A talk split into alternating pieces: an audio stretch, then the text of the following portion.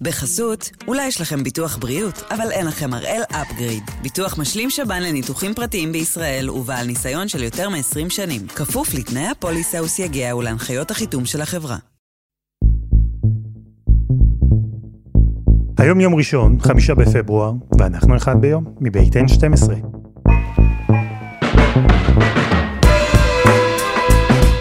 אני אלעד שמחיוף, ואנחנו כאן כדי להבין טוב יותר מה קורה סביבנו, סיפור אחד ביום, בכל יום.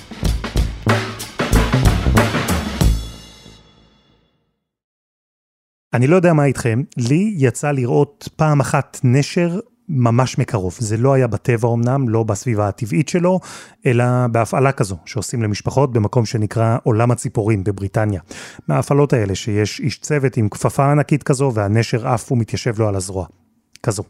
היה מדהים, האמת. אל תשאלו אותי איזה סוג של נשר זה היה, אבל לראות אותו ככה פורס כנפיים, עף במהירות, עולה ויורד בעוצמתיות, מיד אפשר היה להבין למה במשך אלפי שנים הנשר נחשב לסמל לעוצמה ולאלגנטיות. למה צבאות השתמשו בו, מדינות אימצו אותו, ואפילו בתנ"ך דיברו עליו לא מעט. בכלל, נשר היא חיה שכל כך קשורה לישראל, עד כדי כך שבשנת 1973 האקדמיה ללשון עברית ערכה ישיבה מיוחדת כדי לשים סוף לבלבול בין נשר לעייט. היה שם קרב מעניין על העניין הזה, הזואולוגים רתחו מזעם, כמעט פנו לבג"ץ. הפרוטוקולים באינטרנט, אם בא לכם לראות.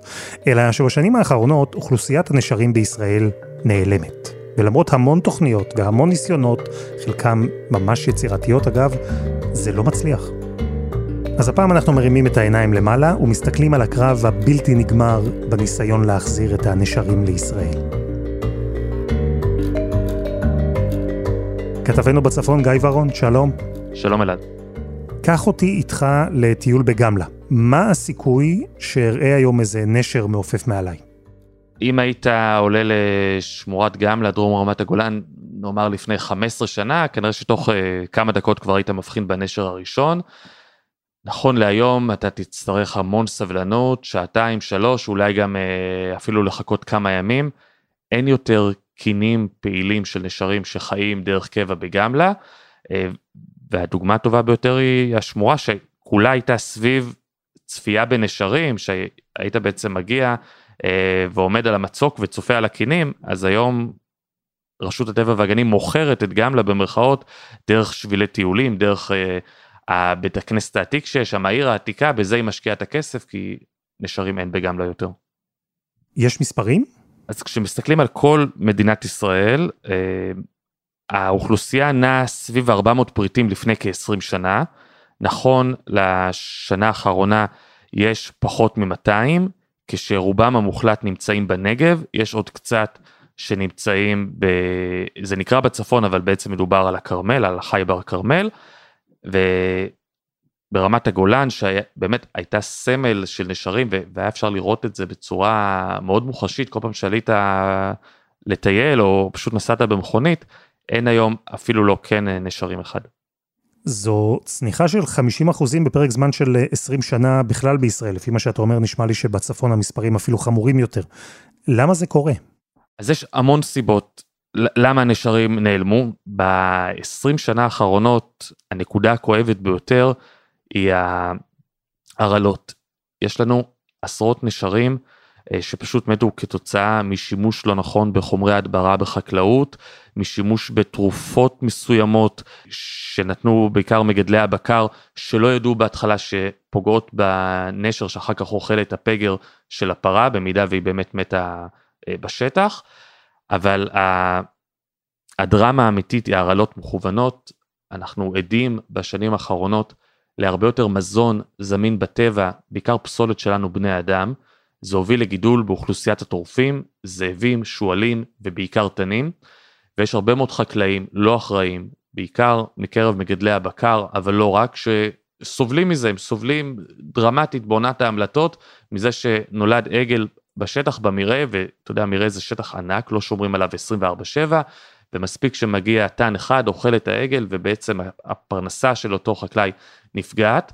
הפתרון הקל ביותר היה של אותם חקלאים הוא לקחת פגר כזה, לפזר עליו אה, רעל, בין אם זה זרחן אורגני או משהו אחר, ואז אוכלוסיית הטורפים למיניהם, למיניהם פשוט מגיעה, אוכלת מהפגר ומתה מיד אחר כך. אבל הנזק ההיקפי הוא שכשיש פגר בטבע, זה, לא, זה בופה פתוח לא רק לתנים ולשועלים ולזאבים, זה גם לנשר, לנשרים שחיים מהפגרים האלו, וזה משפיע דרמטית על אוכלוסיית הנשרים.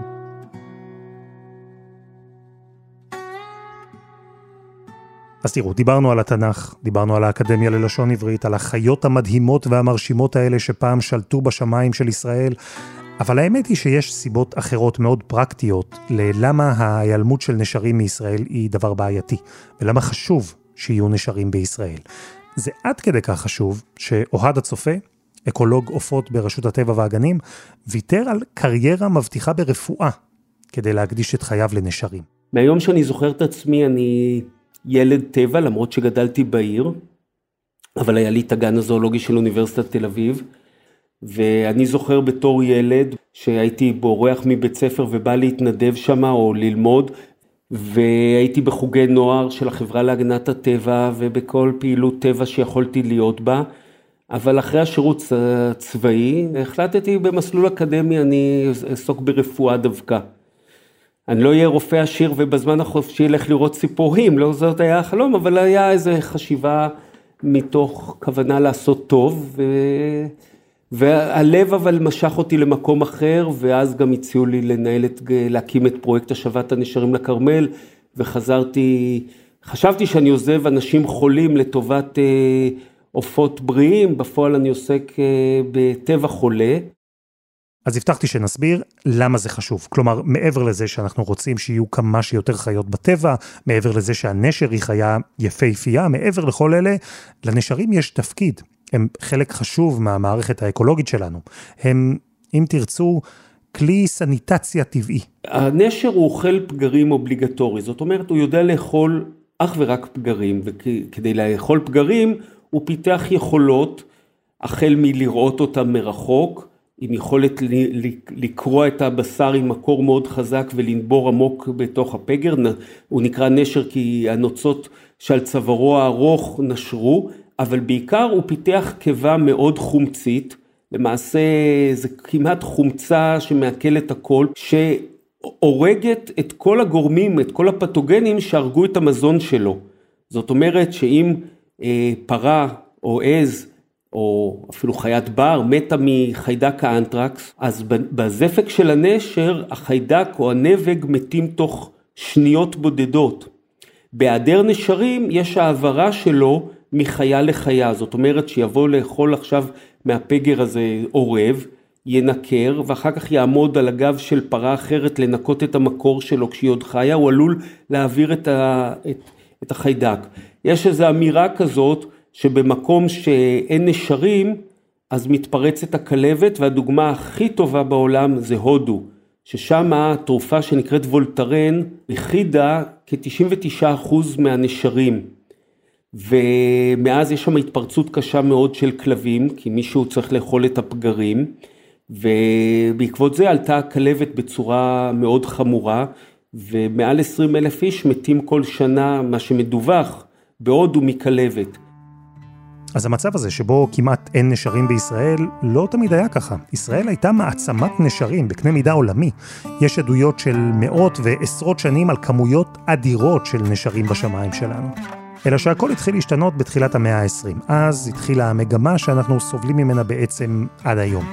בראשון להיכחד היה מין של נשר עוד יותר גדול מהנשרים, נקרא אוזנייה שחורה, שכנראה ההכנסה של הנשק החם למזרח התיכון במלחמת העולם הראשונה, יחד עם תרבות ציד בריטית, הביאה להכחדתו. עד שנות החמישים עוד קינן בעמקי הצפון עוף ענק כמעט בגודל של נשר שנקרא איתם לבן זנב ונכחד ב-1956. אז היו הרבה מינים, חלקם נכחדו, חלקם פחתו והגיעו לעברי פי פחת כמו הנשרים, זאת אומרת בסכנת הכחדה. הנשק החם והציד אולי התחילו. הרעלים המשיכו. למשל, הניסיון של הבריטים בימי המנדט להכיד את הכלבת. הם פיזרו רעל מסוכן שהרג גם את הנשרים. אחרי הבריטים הגיעה התנועה הציונית, הקמת המדינה, השטח של ישראל הלך והשתנה. חברה חקלאית הרי, חברה שמבוססת על גידולים, אז התחיל תהליך שצמצם מאוד את אוכלוסיית הנשרים. הנשרים למעשה, או בפועל נדחקו לרמת הגולן. לפחות מההיכרות שלנו עם ההיסטוריה, רמת הגולן היא לא הייתה בית הגידול שבו נשרים קיננו. המצוקים הם לא מצוקים מתאימים, אלא אנחנו דחקנו אותם תחילה מהכרמל, הכחדת הנשרים בכרמל הייתה בשנות החמישים, אחר כך מהגליל המערבי, אחר כך מהגליל המזרחי לגולן. מדוע דחקנו לגולן? כי הגולן היה שמור. כשהגולן אה, נכבש או שוחרר ב-67, היו בו פחות מ-20 זוגות של נשרים, שפעם זה היה אחד המקומות עם הכי הרבה נשרים. במדינת ישראל, בשנות ה-50, 60, 70, קרו כמה תהליכים שפגעו בנשרים, תהליכים שהם בדיוק ההפך ממה שנשרים צריכים, בדיוק ההפך מהדרך שבה נשרים חיים. והתהליך הראשון פגע בכמות האוכל שהיה פנוי עבור הנשרים. כשהוקמה רשות שמורות הטבע בשעתו, האויב הראשון שראו לטבע באזורים האלה הייתה הראייה הלא מבוקרת בשמורות טבע, בהמשך לקמפיין נגד אה, קטיף, אה, פרח, קטיפת פרחים, פגיעה בפרחים, ואז סגרו שטחים ניכרים בפני הראייה. הראייה הזאת היא סיפקה את המזון של הנשרים, הנשרים הם אוכלי פגרים אובליגטוריים, הם לא יודעים להרוג, והם מלווים את האדם באזורנו מימי המקרא, וככה זה גם מתואר במקורות. אה, אנחנו לא מזרח אפריקה עם עדרי זברות וגנו ופיל שמת ויכול להכיל על מאות נשרים. אצלנו הנשרים מלווים את האדם ויש סוג של סימביוזה, האדם צריך את הנשר והנשר צריך את המקנה של האדם. השינוי השני פגע ביכולת של הנשרים למצוא את האוכל שבכל זאת ישנו, כי במדינת ישראל נטעו המון עצים, וגדלו לא מעט יערות, עבים, או אם תרצו, מחסומים, בין הנשר לבין האוכל שלו. נשרים אוכלים בנוף פתוח, באזור שיש מרחק בין העצים, שהם רואים את החיה המתה על הקרקע, ותחשוב בהר מירון היפה והמרשים, היא מתה פרה שנמצאת במרעה, היא מתחת חופת העצים, ונשר לא יכול, הוא לא יכול לראות, אבל הוא גם לא יכול לנחות ולהמריא. אז הנשרים גם נדחקו עם ההפרעות והייעור, ומצד שני הם מצאו את המקום הבטוח עם המזון בגולן. אז הגבלת המרעה הפתוח הגבילה את הפגרים שהיו בשטחים הפתוחים, והיערות עם העצים הקשו על הנשרים לנחות ולמצוא פגרים שכן היו יכולים לאכול אחרת. וככה לא רק אוכלוסיית הנשרים בישראל הצטמצמה, אלא גם השטח שבו הם היו יכולים לחיות. וזה שטח שלא היה מותאם לנשרים, שטח שהנשרים התקשו לתפקד בו, כשהצמצום במספר של הנשרים הפך לכזה שכבר אי אפשר להתעלם ממנו, אז בישראל הבינו שיש בעיה. השמירת טבע בישראל היא, היא צעירה, קצת יותר צעירה מקום המדינה, ולקח זמן עד שעברו מחקיקת חוקי הגנה לצעדים אקטיביים. אז אני, ההיכרות שלי, ואני חושב שאני מכיר לא רע, עברנו מלתאר ול, ול, ולכעוס ולהצטער לצעדים אקטיביים של שמירת טבע בתחום הנשרים בפרט, אה, איפשהו במחצית השנייה של שנות ה-80. אבל אז כבר המצב היה שנותרו נשרים אך ורק ברמת הגולן. רמת הגולן הפכה לבית החדש של הנשרים בישראל, אלא שהתהליכים שהובילו את האוכלוסייה שלהם להצטמצם ממש עד כמעט היעלמות, הם בשלב הזה רק הלכו והתגברו. אבל קודם חסות אחת, וממש מיד חוזרים.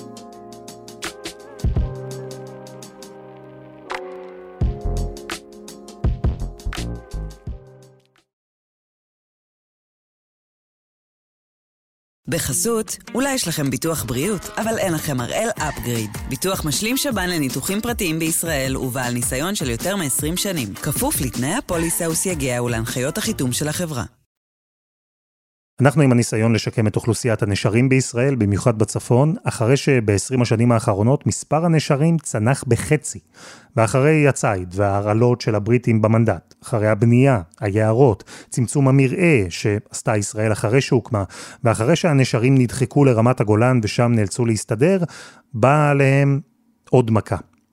רשת החשמל. נשרים למדו לנצל עמודי חשמל כמו עצים יבשים בשטח, אבל כשהם בגולן התחילו לפרוס קווי חשמל, למשל לאורך ציר הנפט, אז מתועדים בשנות, הש... אמצע שנות ה-80 אירועים של, או בשנה אחת, מעל 50 נשרים מחושמלים. אה, זה היה בעצם הבסיס אחר כך להקמת הפרויקט שבזכותו הצלחנו להשיב את הנשרים לכרמל, פרויקט שנקרא פרויקט פורסים כנף, שמשותף לחברת חשמל, לחברה להגנת הטבע ורשות הטבע והגנים, שבו חברת חשמל, הגוף התעשייתי הגדול בארץ, לוקח אחריות ועוזר, גם, גם ממגן עמודי חשמל לפי תוכנית שהוכנה ביחד איתנו הגופים הירוקים, והצלחנו להוריד את התחשמלות הנשרים גם באזורים שעוד יש בהם הרבה נשרים לפחות מאירוע בשנה, לעומת מה שתיארתי בעבר, שהיו באמצע שנות ה-80 גם 50 נשרים בשנה שהתחשמלו.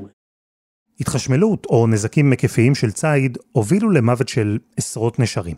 אבל הבעיה בשנים האחרונות היא הרעלה.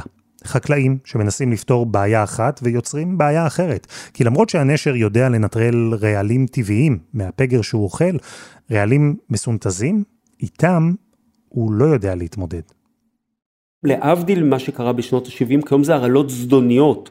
זה לא הרעלות שנעשו בשוגג כדי לטפל במזיק שהמדינה גם עודדה.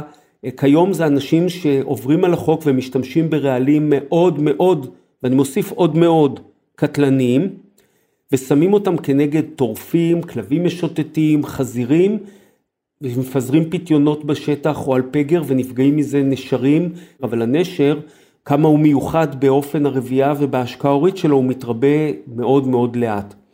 וביחד כל הגורמים האלה, בראשית ההרעלות ואז כל האחרים שהורגים פה ושם, גורמים לכך שהנשרים נמצאים בסכנת הכחדה חמורה. ורון, אז מה עושים? מה רשות הטבע והגנים, מה מדינת ישראל עושה כדי להציל את הנשרים? יש מערך שלם סביב הנשרים ברשות הטבע והגנים. זאת למעשה החיה שמשקיעים בה הכי הרבה כסף במדינת ישראל, בניסיון לייצב את האוכלוסייה שלה, להוציא אותה מכלל סכנה, ויחד עם זאת, למרות כוח אדם מדהים, יש פה כישלון חרוץ.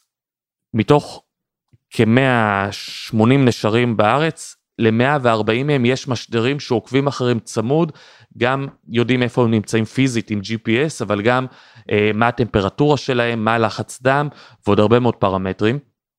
כל נשר כזה עוקבים אחריו, והכל מכוון, כל המשאבים מכוונים, כדי שיהיו לו כמה שיותר צאצאים. כשמוטלת הביצה, מגיעים אנשי רשות הטבע והגנים, בין אם זה ברגל, בין אם זה בסנפלין, כי הרבה פעמים הם בוחרים לקנן במצוקים, לוקחים את הביצה אל האינקובטור, ורק אחרי שהוא גדל ורואים שהוא חזק, משחררים אותו לטבע, וגם אז זה לא בדיוק לטבע, כי לא נותנים לו להתמודד מול אה, איתני הטבע בצורה חופשית. יש תחנות האכלה מסודרות בכמה מקומות בארץ, בנגב, בערבה, בגולן, בכרמל, ולשם יש אה, ממשק בין החקלאים, מגדלי הבקר, לבין רשות הטבע והגנים, ובעצם מנסים כל הזמן אה, לעקוב אחרי הנשרים ולתת להם את התנאים הטובים ביותר עד כמה שאפשר, כדי שיצליחו לחיות ולהתרבות. אבל זהו, אני מבין ממך שגם השיטה הזו לא מצליחה, ובסוף אין סיבה שהיא תצליח, כי אם אחרי שגידלת את הנשר, שמרת עליו במתחם מבוקר, נתת לו אוכל שאתה יודע שהוא בטוח, אם בסוף המטרה היא לשחרר אותו לטבע, אז הוא שוב יאכל פגר מורעל וימות בעצמו. ואני תוהה, ורון, מקומות אחרים, מדינות אחרות, הן יודעות להתמודד עם התופעה הזו? לפני 20 שנה במדינת ספרד, אנשי הטבע שם באו לישראל כדי ללמוד איך משיבים נשרים לטבע. כבר היה לא מעט מידע בישראל וניסיון על ההליך המורכב הזה. הם למדו, נוצרו קשרים טובים אה, וחזרו לספרד. בספרד זה סיפור הצלחה, יש אלפי נשרים אה, מהאוכלוסיות הגדולות בעולם, וכשהתחילה להידלדל האוכלוסייה כאן בארץ, אז אוהד הצופה, האקולוג של רשות הטבע והגנים, יוצר קשר עם המקבילים שלו ומבקש, תעזרו לי קצת uh, להחיות את האוכלוסייה המקומית שלי, תביאו לי נשרים. Uh, הספרדים, צריך להגיד, לא מיהרו לעשות את זה, הם אמרו, אם אתם לא מצליחים לשמור על הנשרים, על הנשרים שלכם, למה שנביא לכם נשרים שלנו שעלולים למות מהרעלות? אבל שוב פעם, זכו להם חסד נעורים, זכו שאת הידע המקצועי הראשון הם צברו בישראל, וספרד מעבירה במשך 15 שנה לא מעט נשרים, עשרות נשרים לישראל. רובם המוחלט אלעד לא שורדים, חלק מהרעלות, חלק מפגיעות, בעיקר מהתנגשויות בעמודים ואנטנות ודברים אחרים. בישראל אומרים ככה בשקט מתחת לשפם שהספרדים שלחו לכאן נשרים סוג ב', כאלו שכבר נפגעו בעבר, לא יכלו ממש לעוף בצורה טובה, אבל עדיין שמחו ושמחים לקבל אותם כי הם טובים לגרעין רבייה, כי עדיין הם יכולים לעזור ולהרבות את האוכלוסייה המקומית. בפועל, מאז תקופת הקורונה, אה, שנת 2020, אין יותר נשרים ספרדים שמגיעים לישראל, בגלל שתי סיבות, אחת זה סיבת ההרעלות, הספרדים לא ממהרים לשלוח לכאן את החיות שלהם מחשש שייפגעו, והשנייה, כל הפרויקט הזה נתמך ומומן על ידי חברות התעופה הישראליות, כי אתה יודע, כנפיים של מטוס וכנפיים של נשר זה נראה טוב ונשמע טוב, אבל בקורונה היו פחות טיסות, גם פחות כסף לחברות התעופה, ומאז זה פשוט הפסיק, היו מאוד שמחים בישראל אם, אם היו מביאים לכאן עוד אה, נשרים מספרד. שוב פעם, אני חוזר על הנתון העובדתי, אין היום כינונים ברמת הגולן, יש ירידה בכינונים אה, במדבר יהודה, וישראל מפסידה במלחמה הזאת. יכול מאוד להיות שהילדים שלך, הילדים שלי, כשיצאו לטייל ברמת הגולן בעוד כמה שנים, ו- וגם במקומות אחרים בישראל, לא יצליחו לראות נשרים. אוהד, אתה לא מתייאש? אתה מאמין שעוד אפשר לשקם את אוכלוסיית הנשרים? שיגיע יום ונרים את הראש ונראה בשמיים של ישראל שוב נשרים מתעופפים מעלינו? אני אגיד את זה וזה אני אסיים את הנושא הזה. אני מלא כעס. הכעס הוא על זה שבסוף יעשו הדברים הנכונים, אבל למה צריך לחכות כל כך הרבה זמן עם כל כך הרבה אה, טעויות ואובדן? והאובדן זה לא רק בנשר הבודד ש, שמת, אלא שאנחנו מאבדים מערכת אקולוגית. למה? בסוף זה ייעשה. אבל למה צריך לריב על זה ולהתווכח על זה ולהילחם והשכל הישר לא מנצח?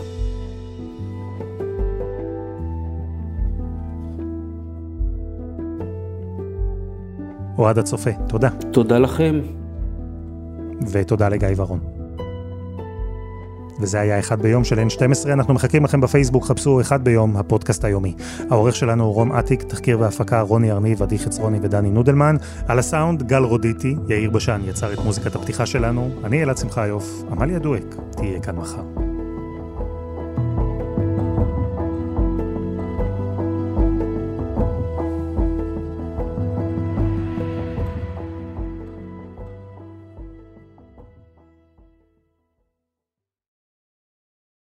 בחסות, אולי יש לכם ביטוח בריאות, אבל אין לכם הראל אפגריד. ביטוח משלים שב"ן לניתוחים פרטיים בישראל ובעל ניסיון של יותר מ-20 שנים. כפוף לתנאי הפוליסה וסייגיה ולהנחיות החיתום של החברה.